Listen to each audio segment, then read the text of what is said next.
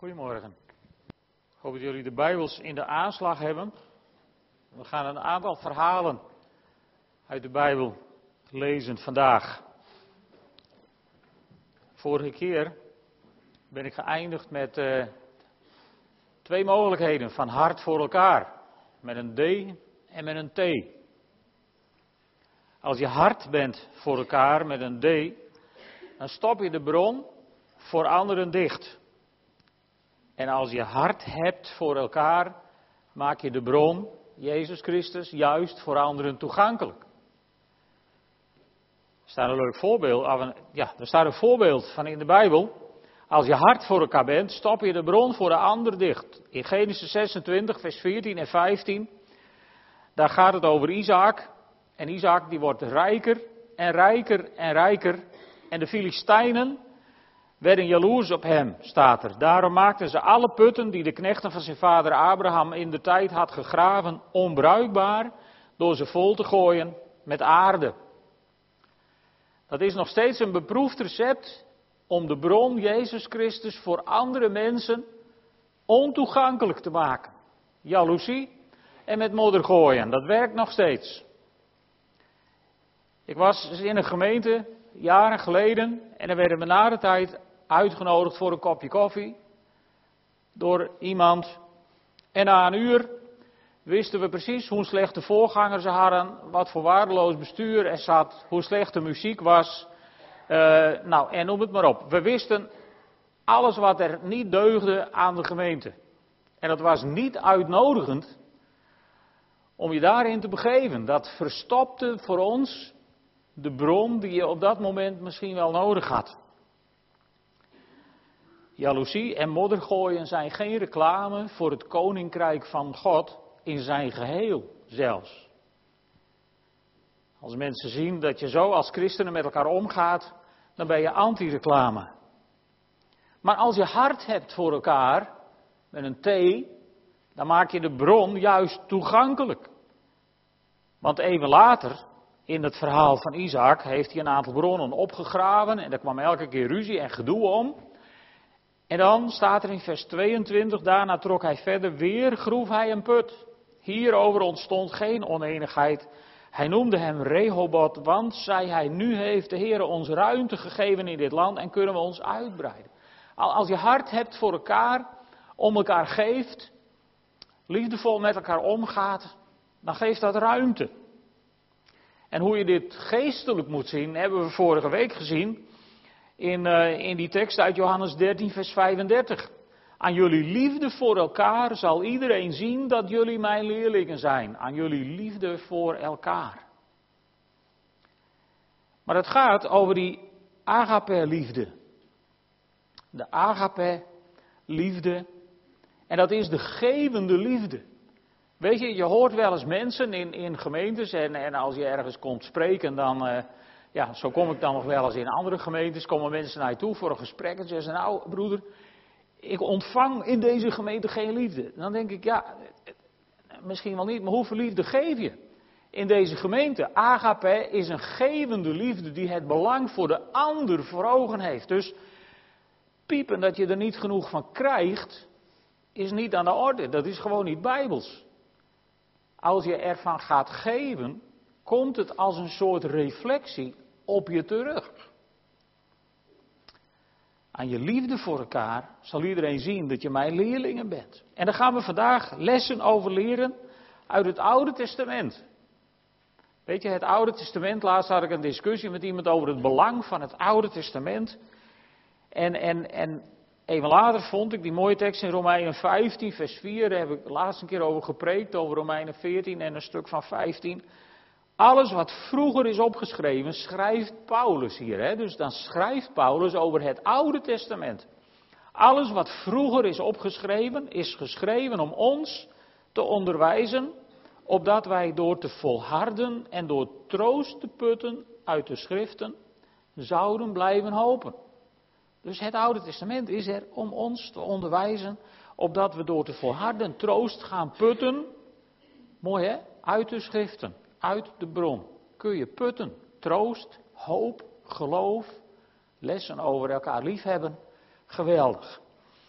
En in, die, in, in, in dat woord, in dat Oude Testament, staan een aantal verhalen van mensen die de bronnen toegankelijk maakten voor anderen. De eerste les die ik leerde uit, uit het verhaal, als je gaat zoeken naar bronnen in het Oude Testament, is dat bronnen een plek zijn van ontmoeting. Een plek waar je elkaar ontmoet. En vandaag wil ik met jullie stilstaan bij Eliezer, de knecht van Abraham die op zoek is naar Rebecca. Ik wil met jullie kijken naar Jacob, die op zoek is naar Laban. Ik wil met jullie kijken naar Mozes, die op zoek is naar een veilige plek. En dan gaan we kijken naar Jezus, die op zoek is naar de Samaritaanse vrouw. Wat deden mensen vroeger als je op reis was en je kwam ergens, dan ging je bij een bron zitten. Waarom ging je bij een bron zitten? Om gezien te worden. In de hoop dat iemand je zag en je verder zou helpen. Want je wist één ding zeker, bij de bron, daar kwam iedereen uit het dorp of uit de stad. Dus als je iemand zocht, dan was dat de plek om iemand te vinden. Bij de bron gaan zitten, om verder geholpen te worden. En daarom is het belangrijk om die bronnen toegankelijk te maken en te houden. Want wij als kinderen van God, wij worden geacht deze mensen te drinken te geven van de stromen van levend water die uit ons binnenste geacht worden te stromen. Johannes 7, vers 38. De herziene statenvertaling zegt het zo, wie in mij gelooft, zoals de schriften zegt, stromen van levend water zullen uit zijn binnenste vloeien. Het is een goede vraag om, om gewoon van de week eens even mee te nemen naar huis en in alle privé voor jezelf eens even te beantwoorden, gewoon op een ochtend voor de spiegel. En zelf eens af te vragen van, wat stroomt er uit mijn binnenste? Gal, azijn, levend water. Het is allemaal mogelijk. En daarover hoeven we elkaar de maat niet te nemen. Dat mag je voor jezelf eens een keer overwegen. Wij gaan kijken naar die mannen die we hier hebben gezien. En we beginnen in Genesis 24. Eliezer, door Abraham op pad gestuurd om een vrouw voor Isaac te zoeken. En we pakken hem op in vers 10. Genesis 24, vers 10. Hij, Eliezer dus, nam tien van de kamelen van zijn meester en begaf zich op weg met allerlei kostbaarheden die hij van zijn meester meekreeg. Zo zijn wij ook op weg, hè, met allerlei kostbaarheden die we van onze meester hebben meegekregen. Zo ging hij naar Aram Naharaim, de stad van Nagor. Buiten die stad liet hij de kamelen neerknielen bij een waterput. Zie je? Het was tegen de avond, omstreeks de tijd dat de vrouwen de stad uitgaan om water te putten. Toen zei hij, Heer, God van mijn meester Abraham, als u mijn meester Abraham genegen bent, laat het mij dan zo vergaan. Ik sta nu bij deze bron en de meisjes uit de stad komen hier straks water putten. Het meisje dat ik vraag haar kruik van haar schouder te nemen om mij te drinken te geven en dat antwoord, ga uw gang, ik zal ook uw kamelen te drinken geven. Laat dat het meisje zijn dat u bestemd hebt voor uw dienaar Isaac. Als hij zo reageert, zal ik weten, dit moet je even vasthouden, zal ik weten dat u mijn meester genegen bent. Hij was nog niet uitgesproken of Rebecca kwam de stad uit, de dochter van Betuel, die de zoon van Milka, de vrouw van Abrahams broer Nagor, met haar kruik op haar schouder. Ze was een heel knap meisje, een maagd nog, er had nog nooit een man met haar geslapen. Ze liep naar beneden, naar de bron, vulde haar kruik en kwam weer terug. De knecht snelde haar tegemoet en vroeg haar, mag ik alsjeblieft wat water drinken uit je kruik?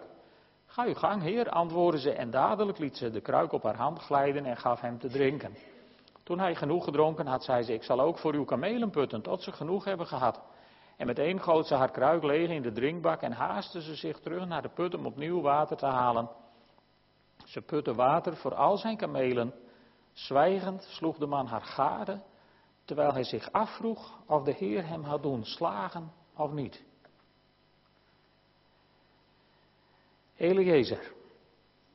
Hij, ja, hij uh, nestelt zich bij de bron, zou je kunnen zeggen. En hij maakt een afspraak met God. Hij geeft God ook wat overbodige informatie die God al lang wist. Want God wist wel hoe laat het was en die wist ook wel waar Eliezer was. En God wist ook wel dat die meisjes bij de put kwamen, maar dat vergeven we hem even. En dan probeert hij een soort deal met God te maken. Hij zegt, Heer, laat het zo gebeuren. Hij vraagt om een teken. Een prachtig verhaal. Hij vraagt om een teken. Het is overigens opvallend dat de Bijbel hier aangeeft dat waterputten dus vrouwenwerk was. Zowel in Syrië waar hij kwam, als in de cultuur van Eliezer. Want hij vond het ook niet vreemd. Hij vond het ook gewoon vrouwenwerk. Dus het was een goede plek. Als je nou een bruid zoekt voor iemand, dan was dit de goede plek om te zijn. Want hier kwamen de vrouwen. En zo onderhandelt hij met God en hij zegt: Heer, zo gaan we het doen. En, en veel sneller dan dit kan een gebedsverhoring bijna niet zijn. Hè? Het staat er zo mooi, hij was nauwelijks uitgesproken of daar kwam Rebecca, een maagd met wie nog nooit een man gemeenschap had gehad. Dus ja, ze voldeed aan alle eisen. Alles wat je nodig had, ze was nog mooi ook. Dus nou, wat wou je nog meer? En uh, hij vraagt haar om te drinken. Ze doet ogenblikkelijk dat wat hij met God heeft afgesproken. Dus je zou zeggen, nou Eliezer die springt van twee gaten in de lucht in plaats van één. En dan staat er en hij bleef staan kijken terwijl hij zich afvroeg. Of dit nou het antwoord van God was op zijn gebeden eigenlijk. Een beetje, een beetje dom eigenlijk, hè?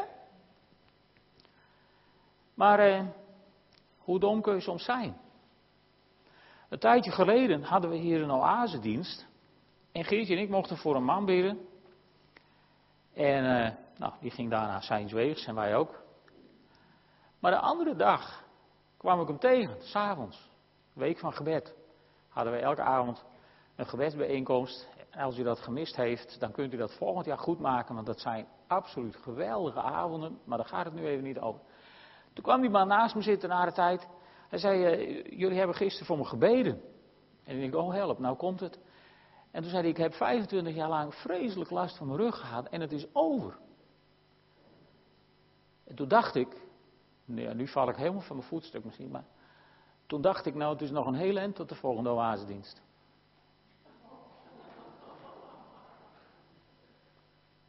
En de andere avond kwam ik hem weer tegen. Toen deed hij even voor hoe hij vroeger ging staan. En toen sprong hij even overeind uit zijn stoel om te laten zien hoe hij nu ging staan. Dus ik heb vanmorgen sneeuw geruimd. Daar had hij van genoten. Ik niet, maar hij wel. dus dan gebeurt het onder je neus, onder je vingers. En je vraagt je af, zou dit nou... Net Eliezer. Ik ben geen haar beter. Wat moeilijk kunnen wij het soms vinden om, om die bron van God te grijpen op het moment dat hij onder onze neus uit de grond opborrelt. Eliezer. We gaan een klein stukje verder. Genesis 29. Jacob. Genesis 29. Jacob vervolgde zijn reis naar het land waar de volken van het oosten wonen. Op een dag zag hij ergens in het open veld een put waar drie kudden schapen omheen lagen.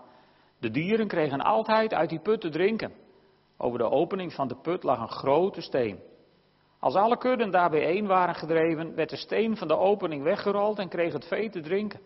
Daarna werd de steen op de put teruggelegd. Jacob vroeg de herders: Waar komen jullie vandaan, vrienden? Uit Haran, antwoordden ze. Kennen jullie dan misschien Laban, de kleinzoon van Nagor? Jazeker, zeiden ze. Hoe maakt hij het? vroeg hij. Goed, antwoordden ze. Kijk, daar komt zijn dochter Rachel juist aan met de schapen. Maar het is nog volop dag, zei Jacob. Het is toch nog geen tijd om het vee bijeen te drijven? Jullie kunnen de dieren toch te drinken geven en ze daarna weer laten grazen? Nee, zeiden ze, dat kan niet. Pas als alle kudden zijn bijeengedreven, rollen we de steen van de put en geven we het vee te drinken. Terwijl hij nog met hen stond te praten, kwam Rachel eraan met de schapen van haar vader. Zij was herderin. Zodra Jacob Rachel zag, de dochter van zijn moeders broer Laban, met Labans vee, liep hij naar de put, rolde de steen van de opening en gaf de dieren van zijn oom te drinken. Daarna kuste hij Rachel, terwijl hij zijn tranen de vrije loop liet. Zodra, Rachel had verteld, zodra hij Rachel had verteld dat hij familie van haar vader was, een zoon van Rebecca, rende ze naar haar vader en vertelde het hem. Hier komt Jacob aan bij de bron. Na een reis vanuit Bethel, waar hij die wonderervaring met God heeft gehad, zo'n 600 kilometer. Dus hij is een week of drie onderweg geweest. Ja, dat lees je niet. Als je van vers zoveel naar vers zoveel overspringt, denk je van hé, hey, hij vertrok uit Bethel en toen was hij ineens, vloep, bij de bron. Maar na een week of drie wandelen, komt hij daar aan en dan ziet hij daar allemaal schaapskudden en geitenkudden gelegerd rond een bron. Op die bron ligt een steen, heel normaal. Vaak zie je ook in, in Israël en in het Midden-Oosten zie je van die, van die waterputten die ze in de grond hebben uitgehouwen of gemetseld. En op een laag punt in het dal, dus als het regent loopt het water allemaal naar het lage punt, komt in die put en op die put ligt vaak een steen. Waarom? Nou, als daar een beest in valt in die put en verdrinkt, kun je niks meer met dat water. En water was heel kostbaar, is heel kostbaar in die regionen. En, uh, en dus leg je daar een steen op. Dan komen er geen beesten in, vallen er geen mensen in, komt er geen troep in, blijft het water schoon en bovendien wordt het niet zo heet door de zon. Dus gewoon een steen. Lag erop. En uh, als vakman kon Jacob het niet laten zich even met de bedrijfsvoering te bemoeien. Hij zegt, jongens, het is nog meer op de dag. Die schapen die kunnen nog een hele hoop eten. Jacob die dacht in kilo's vlees, dus die, die dacht, hé, hey, dit is uh, niet handig om dat nu al zo te doen. En hij zegt, waarom geven jullie ze niet te drinken en laten ze nog een tijd grazen? En dan zegt hij, dus nee, dat kan niet. Waarom niet? Sommige mensen zeggen, nou, ze waren nog niet met mensen genoeg om die steen van de put te krijgen. Maar Jacob rolde hem er in zijn eentje af.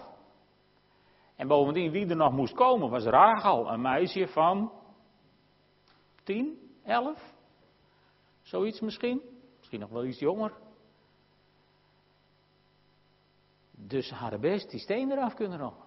Maar nee, dat deed hij niet. Nee, dat kon niet. Dat kon niet. Jacob die ontmoet daar een muur van traditie, waar je soms tegenaan kunt lopen als je wat wilt. Nee, dat kon niet. Dat ging absoluut niet. Dus Jacob had, terwijl hij daar was, last van tradities en van een grote steen. Tradities kunnen trouwens een grote steen zijn, maar dat even los. Weet je, zo'n grote steen, dat moet je even aan het denken zetten. We komen in de Bijbel een paar keer een grote steen tegen als probleem. Bijvoorbeeld in, uh, in Johannes 11. Daar eh, is Jezus aangekomen bij het huis van Lazarus. Maar ja, Lazarus is dood. Hè? En iedereen die roept, ja, als u hier nou maar geweest was, dan. Dus ze hadden de moed echt opgegeven. Logisch, hadden wij ook gedaan. En dan gaat Jezus mee naar het graf. En dan zegt hij, rol de steen ervoor weg. En dan is de reactie, ja nee, maar dat kan niet. Hij is al vier dagen dood. Dat doe je niet. Nee, als Jezus naar de traditie van de mensen had geluisterd, naar alle praktische dingen waarom het niet kon, dan had hij Lazarus niet opgewekt. Want de enige die ooit opstond uit een graf met de steen ervoor, was Jezus zelf. Dus die steen moest ervoor weg. En zo kon Jezus Lazarus opwekken. En, en, en, en een tijdje later zijn er op een ochtend vrouwen onderweg naar het graf van Jezus, onze bron. En die zeggen, wie zal voor ons de steen van de ingang van het graf wegrollen? Maar toen ze opkeken, zagen ze dat de steen al was weggerold en het was een hele grote steen. En waarom was het belangrijk dat die steen er weg was? Jezus was al lang opgestaan, joh. Die was, die was al lang weg uit het graf. Maar het was voor ons noodzakelijk om dat te zien. Anders zouden we toch nooit kunnen geloven dat Jezus is opgestaan. Dan hadden we tot vandaag die discussie gehad. Van ja, nee, hij ligt nog steeds achter die steen hoor, kijk er maar achter. Nu niet, want de steen was weg. Dus het overtuigende bewijs dat Jezus Christus is opgestaan, is het open graf met geen Jezus erin. Daarvan getuigen enkele honderden ooggetuigen uit de oude tijd, die we terugvinden in geschriften van de kerkvaders. Dus het bewijs is hevig geleverd. Dus stenen moeten aan de kant. En zo ziet Jacob Rachel aankomen en hij rolt die steen aan de kant. Kennelijk heeft God hem bekrachtigd met bovennatuurlijke kracht, zodat hij dat in zijn eentje kon. Voor die vrouwen had God een engel gestuurd. Matthäus 28, vers 2. Plotseling begon de aarde hevig te beven, want de engel van de Heer daalde uit de hemel af, liep naar het graf, rolde de steen weg en ging erop zitten. Soms rolt God de steen voor je weg. Soms stuurt God een Jacob met bovennatuurlijke kracht om de steen voor je weg te rollen. Maar heel vaak in je leven moet jij zelf dealen met die steen. En moet die aan de kant om voor een ander de bron toegankelijk te maken. Dus Jacob rolt de steen weg, maakt de bron toegankelijk voor Rachel. En er gebeurt nog iets heel opmerkelijks. Hij uh, put water en geeft de dieren te drinken. Jacob was heftig geëmancipeerd. Want hij deed het vrouwenwerk. Hij gaf de dieren te drinken, heel wonderlijk. Dat deze man dat deed. En dan gaan we naar Mozes. In Exodus 2. Mozes die heeft, uh, nadat hij is opgegroeid aan het hof, heeft hij een Egyptenaar doodgeslagen. Toen dacht hij, ach, zand erover. Maar iemand had het gezien. En Farao was boos op hem. En dan moet Mozes op de vlucht. En we vinden Mozes in Exodus 2, vers 15, daar pikken we hem op. Vers 15. Toen de farao ervan hoorde, wilde hij Mozes laten doden en daarom vluchtte Mozes voor de farao. Zo kwam hij in Midian terecht en daar ging hij bij een put zitten. Alweer, zie je? De priesters van Midian had zeven dochters. Zij kwamen daar water putten en vulden de drinkbakken om de schapen en de geiten van hun vader te drinken te geven. Maar er kwamen ook herders die hen wilden wegjagen. Daarop schoot Mozes hun te hulp en gaf het vee te drinken. Toen ze thuis kwamen, vroeg hun vader, Reuel, we kennen hem ook als Jethro, hoe het kwam dat ze die dag zo snel terug waren. Er was een Egyptenaar die ons te hulp kwam tegen de herders, antwoordden ze. En hij heeft ook water voor ons geput en de dieren te drinken gegeven. En waar is hij nu? vroeg hun vader. Waarom hebben jullie die man daar achtergelaten? Nodig hem uit om te komen eten. Mozes liet zich overhalen om bij die man te blijven. En deze gaf hem zijn dochter, Sipora, tot vrouw. Hier komen we Mozes tegen. Mozes had ook een hele lange tocht achter de rug. Vanuit Egypte. En, en eigenlijk weten we niet precies waarheen. Heel vaak wordt het verhaal verteld dat Mozes uh, vluchtte in de richting van de Sinaï-woestijn. En dat hij daar met het volk later zo goed de weg wist, omdat hij daar 40 jaar heeft gewoond. Maar dat is nog maar de vraag. Want in nummer 12, vers 1, daar staat dat Mirjam en Aaron aanmerkingen maakten op Mozes vanwege zijn huwelijk met een Nubische vrouw. En Nubië is Ethiopië. En Ethiopië ligt niet in de Sinaï-woestijn, maar ergens anders. Dus het is heel goed mogelijk dat Mozes een Ethiopische vrouw had. Dat zou betekenen dat hij dus naar Ethiopië was gevlucht. Nou, de geleerden zijn het er niet over eens waar Midian ligt. Maar de Bijbel is er wel duidelijk over waar Midian vandaan kwam. Dat is heel interessant om even te zien. Want voor, voor Isaac moest een vrouw gehaald worden. Toch uit, uit de stamboom, zodat het niet heidense vrouw zou zijn.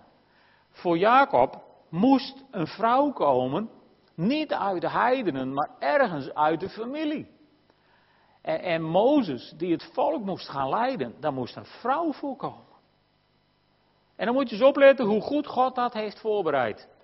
Tijden daarvoor, honderden jaren eerder. Genesis 25, vers 1. Abraham nam een andere vrouw nadat Sarah was overleden. Nam hij een andere vrouw, Ketura. Zij baarde hem Zimran, Joksan, Medan, let op, Midian, Jisbak en Suach. Dus Midian was een zoon van Abraham. Hé, hey, dat is leuk. En, en, en, en, en wat doet Abraham?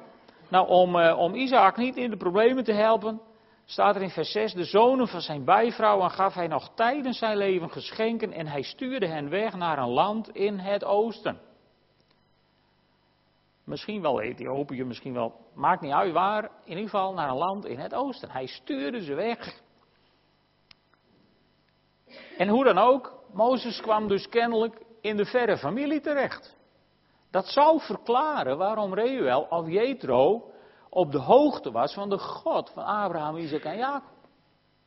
Misschien wist hij niet dat hij zo heette, maar hij, hij kende God. Kennelijk meegekregen van zijn vader, want het was een godvruchtig man, een priester.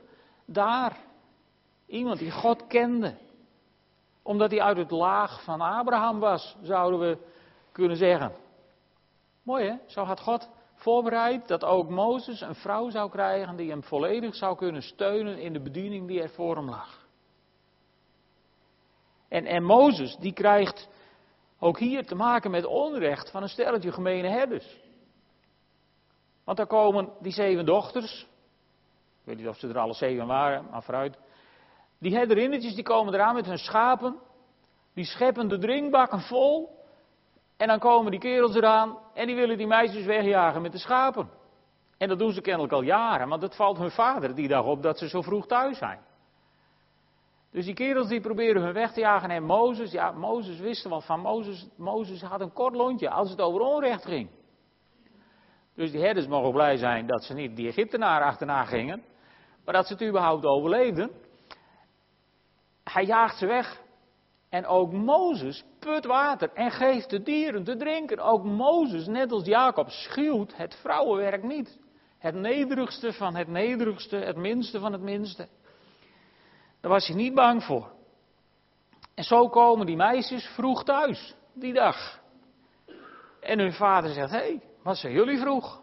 En dan zeggen ze in Exodus 2, vers 19, er was een Egyptenaar die ons te hulp kwam tegen de herders. In het boek staat een Egyptenaar beschermde ons tegen de andere herders. In de Groot Nieuwsbijbel staat, een of andere Egyptenaar is voor ons opgekomen. Toen een stel herders ons dwars zat.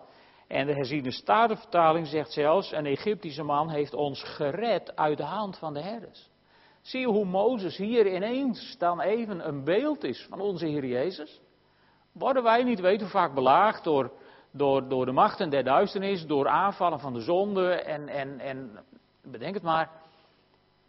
En dan is Jezus daar, die komt ons te hulp, die beschermt ons, die komt voor ons op en die heeft ons zelfs gered uit de macht van de zonde. Mooi hè? Is Mozes zomaar even, even zie je de Heer Jezus in Mozes tevoorschijn komen. En uh, dan gaan we naar Jezus in Johannes 4. Dat verhaal ga ik even niet helemaal lezen, omwille van de tijd. Maar dat hebben we al een paar keer gelezen, omdat het eigenlijk bij ons jaarthema het leidende verhaal is. In Johannes 4. Wat lezen we in, eh, in vers 3? Jezus verliet Judea en ging weer naar Galilea en daarvoor moest hij door Samaria heen. Zo kwam hij bij de Samaritaanse stad Sigar, dicht bij het stuk grond dat Jacob aan zijn zoon Jozef gegeven had, waar de Jacobsbron is. Jezus was vermoeid van de reis en ging bij de bron zitten. Alweer iemand die bij de bron gaat zitten. Een opmerkelijk verhaal. Ook Jezus is op reis. En wel in vijandelijk gebied. Opvallend is dat er in de Bijbel staat dat hij door Samaria moest. Dat was nergens voor nodig. Want een beetje orthodoxe Jood, die liep om Samaria heen. Dus er waren meer wegen die naar Galilea leiden in dit geval. Hij moest helemaal niet door Samaria. Tenzij je zegt van hij werd door de geest geleid om door Samaria te gaan. Ja, dan heeft hij dat als moeten ervaren. Als je goed luistert naar de geest en de geest geeft je richting om iets te doen, dan moet je wel. Dan ga je ook. En zo is Jezus op reis door Samaria. Hij neemt plek bij een bron in de wetenschap dat hij gezien zal worden door iemand die hem schreeuwend hard nodig had. En daar ziet Jezus dan. En dan zit je bij een bron, maar je hebt geen emmer. Tenminste, die vrouw die je ontmoet, die zegt, u hebt immers geen emmer. Hoe denk je dit te doen? Ja, en dan begint Jezus een heel wonderlijk verhaal. Op een, uh, ja, hij maakt duidelijk dat hij geen emmer nodig heeft, want wat had Jezus nodig? Wat heeft Jezus nodig om zijn bronnen voor jou en mij toegankelijk te maken? Wat Jezus nodig heeft, dat is geloof. Jezus kan dat prima zonder emmer. Wat Jezus nodig heeft is geloof En, en op een onnavolgbare manier, zoals hij alleen dat kan, bewerkt hij het geloof in deze vrouw.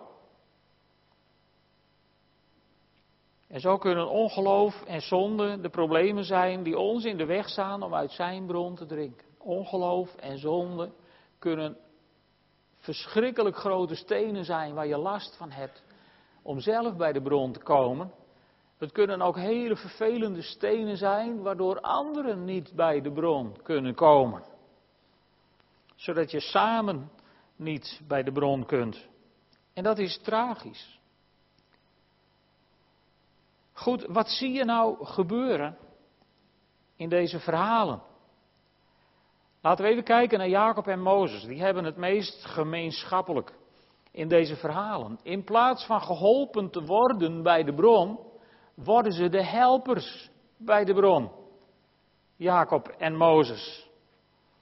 Zij maken de bron toegankelijk, let op, voor hun toekomstige bruid.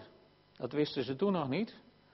Maar Jacob maakt de bron toegankelijk voor Rachel. Mozes maakt de bron toegankelijk voor Sephora. Ze openen de bron voor hun toekomstige bruid. Dat is het werk van Jezus Christus. Dat heet genade.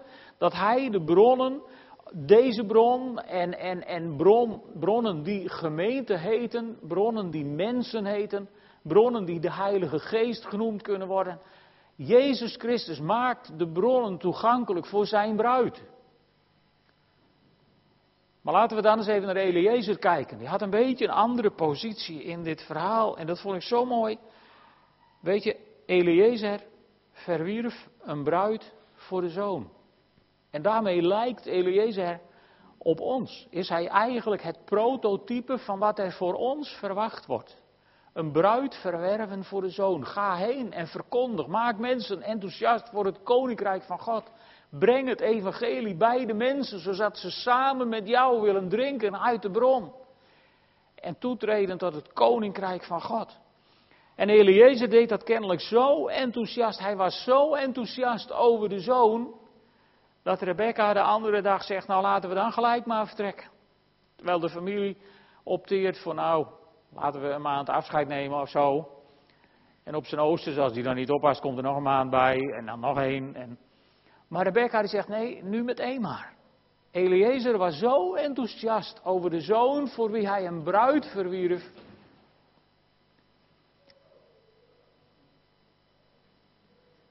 Heeft iemand de slag verloren? Hij was zo enthousiast over, over, over de zoon voor wie hij een bruid kwam halen. Dat de bruid niets liever wil dan met één mee naar haar toekomstige man. En zo neemt Eliezer Rebecca mee. En Jezus dan, voor ons. Jezus deed ook iets voor ons. We hebben deze tekst al, al twee keer of drie keer onder ogen gehad uit Romeinen 5, vers 8. God bewees ons zijn liefde doordat Christus voor ons gestorven is toen wij nog zondaren waren. Toen we nog net als Rebecca in, in, in een heidensland leefden. En nog niet hoorden bij het volk van God. Toen is Christus voor ons gestorven en hij heeft ons meegenomen. Of hij heeft Eliezers op onze weg gebracht om ons toe te voegen aan de bruid voor de zoon. Zo zijn we meegenomen. En Jezus heeft voor ons die bron toegankelijk gemaakt. In Hebreeën 10 wordt dat heel mooi onder woorden gebracht in vers 19. Broeders en zusters, dankzij het bloed van Jezus kunnen wij zonder schroom binnengaan in het heiligdom om te drinken uit de bron. Omdat Hij voor ons met zijn lichaam een weg naar een nieuw leven gebaand heeft. Door het voorhangsel heen. Ik zou het zo willen zeggen. Hij maakte de bronnen des heils, waar Johannes Bolt een tijdje geleden over preekte, voor ons toegankelijk. En ik wil, ik wil jullie met mij oproepen. Laten wij daaruit met vreugde blijven putten. Want zo staat het in Jezaja 12, vers 3. Vol vreugde zullen jullie water putten uit de bron van de redding. Is dat zo in uw leven? Is het zo dat u vol vreugde water put uit de bron van je redding? Word je blij van binnen als je denkt aan Jezus Christus? Word je blij van binnen als je denkt aan het woord? Word je blij van binnen als je denkt aan de gemeente van Jezus Christus, waar je samen zijn naam kunt verheerlijken, waar je samen over zijn woord kunt nadenken en waar je samen kunt putten uit de bronnen van het heil? Word je daar blij van? Of verdrietig? Of boos? Weet je, dan zou je daarmee naar de Heer moeten gaan en eens moeten vragen: Heer, ligt er niet nog een steen op mijn bron die aan de kant moet? Het kan zomaar zijn in je leven dat er een steen ligt van boosheid, van teleurstelling, van ergernis, van. Bedenk het maar. Dat je denkt, ik kom er gewoon niet meer aan toe om te drinken uit de bronnen des heils. De blijdschap die ik had, die ben ik kwijtgeraakt. En dat kan een steen zijn die zo groot is dat je er alleen niet uitkomt. Dan kun je net als de herders bij Jacob zeggen: Ja, nee, maar we wachten tot iedereen hier is en tot die tijd, helaas, kunnen we er niks aan doen. Je kunt ook net als de vrouwen op weg naar het graf zeggen: Heere God, wie zal de steen voor ons wegrollen? En dan kan het maar zo zijn dat er een engel uit de hemel komt die de steen voor je wegrolt. Of een Eliezer die je opnieuw enthousiast maakt voor de bruid van Christus en je meeneemt terug naar de bruid, bruidegom. Wat zou je willen? Welke kant wil je uit? Vol vreugde kun je water putten uit de bron van je redding. Vol vreugde. Laat die vreugde jou nooit ontroven. Niet door mij, niet door een van de andere bestuursleden, niet door iemand anders hier. Laat je die vreugde nooit ontroven. En dat kan een ander niet voor je doen, dat kun je alleen zelf. En als je dan je bron weer toegankelijk hebt, laten we dan vooral niet vergeten om deze bronnen ook voor anderen toegankelijk te maken en te houden. Zullen we samen gaan bidden? Mag ik jullie vragen op te staan? Vader in de hemel, we zijn allemaal op reis door het leven. En allemaal zitten we af en toe bij de put. En misschien wel eens in de put. Maar Heer, u stuurt ook altijd weer mensen op onze weg. Die ons aan een handreiking doen. En ons weer weghelpen. En Heere God, ik bid u als hier vanochtend mensen zijn die, die worstelen met boosheid, met teleurstelling, met verdriet. Waardoor hun bronnen misschien tijdelijk verstopt lijken te zitten. Dan bid ik u om op dit moment een machtig werk van uw Heilige Geest te doen in deze ruimtes. Heere God, er is kracht in het bloed van het lam. En u bent bij machten om net zo goed als, als een engel de steen voor uw graf wegrolde, om ons te laten zien dat u waarlijk was opgestaan. Zo bent u bij machten. Om die verstopte bronnen in ons leven te openen. Heren, ik bid u, doet u zo'n openingswerk op dit moment. Heere God, wees ons genadig. Open de verstopte bronnen in ons leven. Zodat ook wij bronnen die we voor anderen hebben verstopt door onze boosheid of door ons, onze, onze negativiteit of hoe dan ook. Heren, help ons en schenk ons de genade om bronnen die we voor andere mensen hebben verstopt, voor hen weer te mogen openen. Heren, zodat we samen als uw kinderen met vreugde water mogen putten uit de bron van onze redding, heren. Schenk ons uw genade in de naam van Jezus. Amen.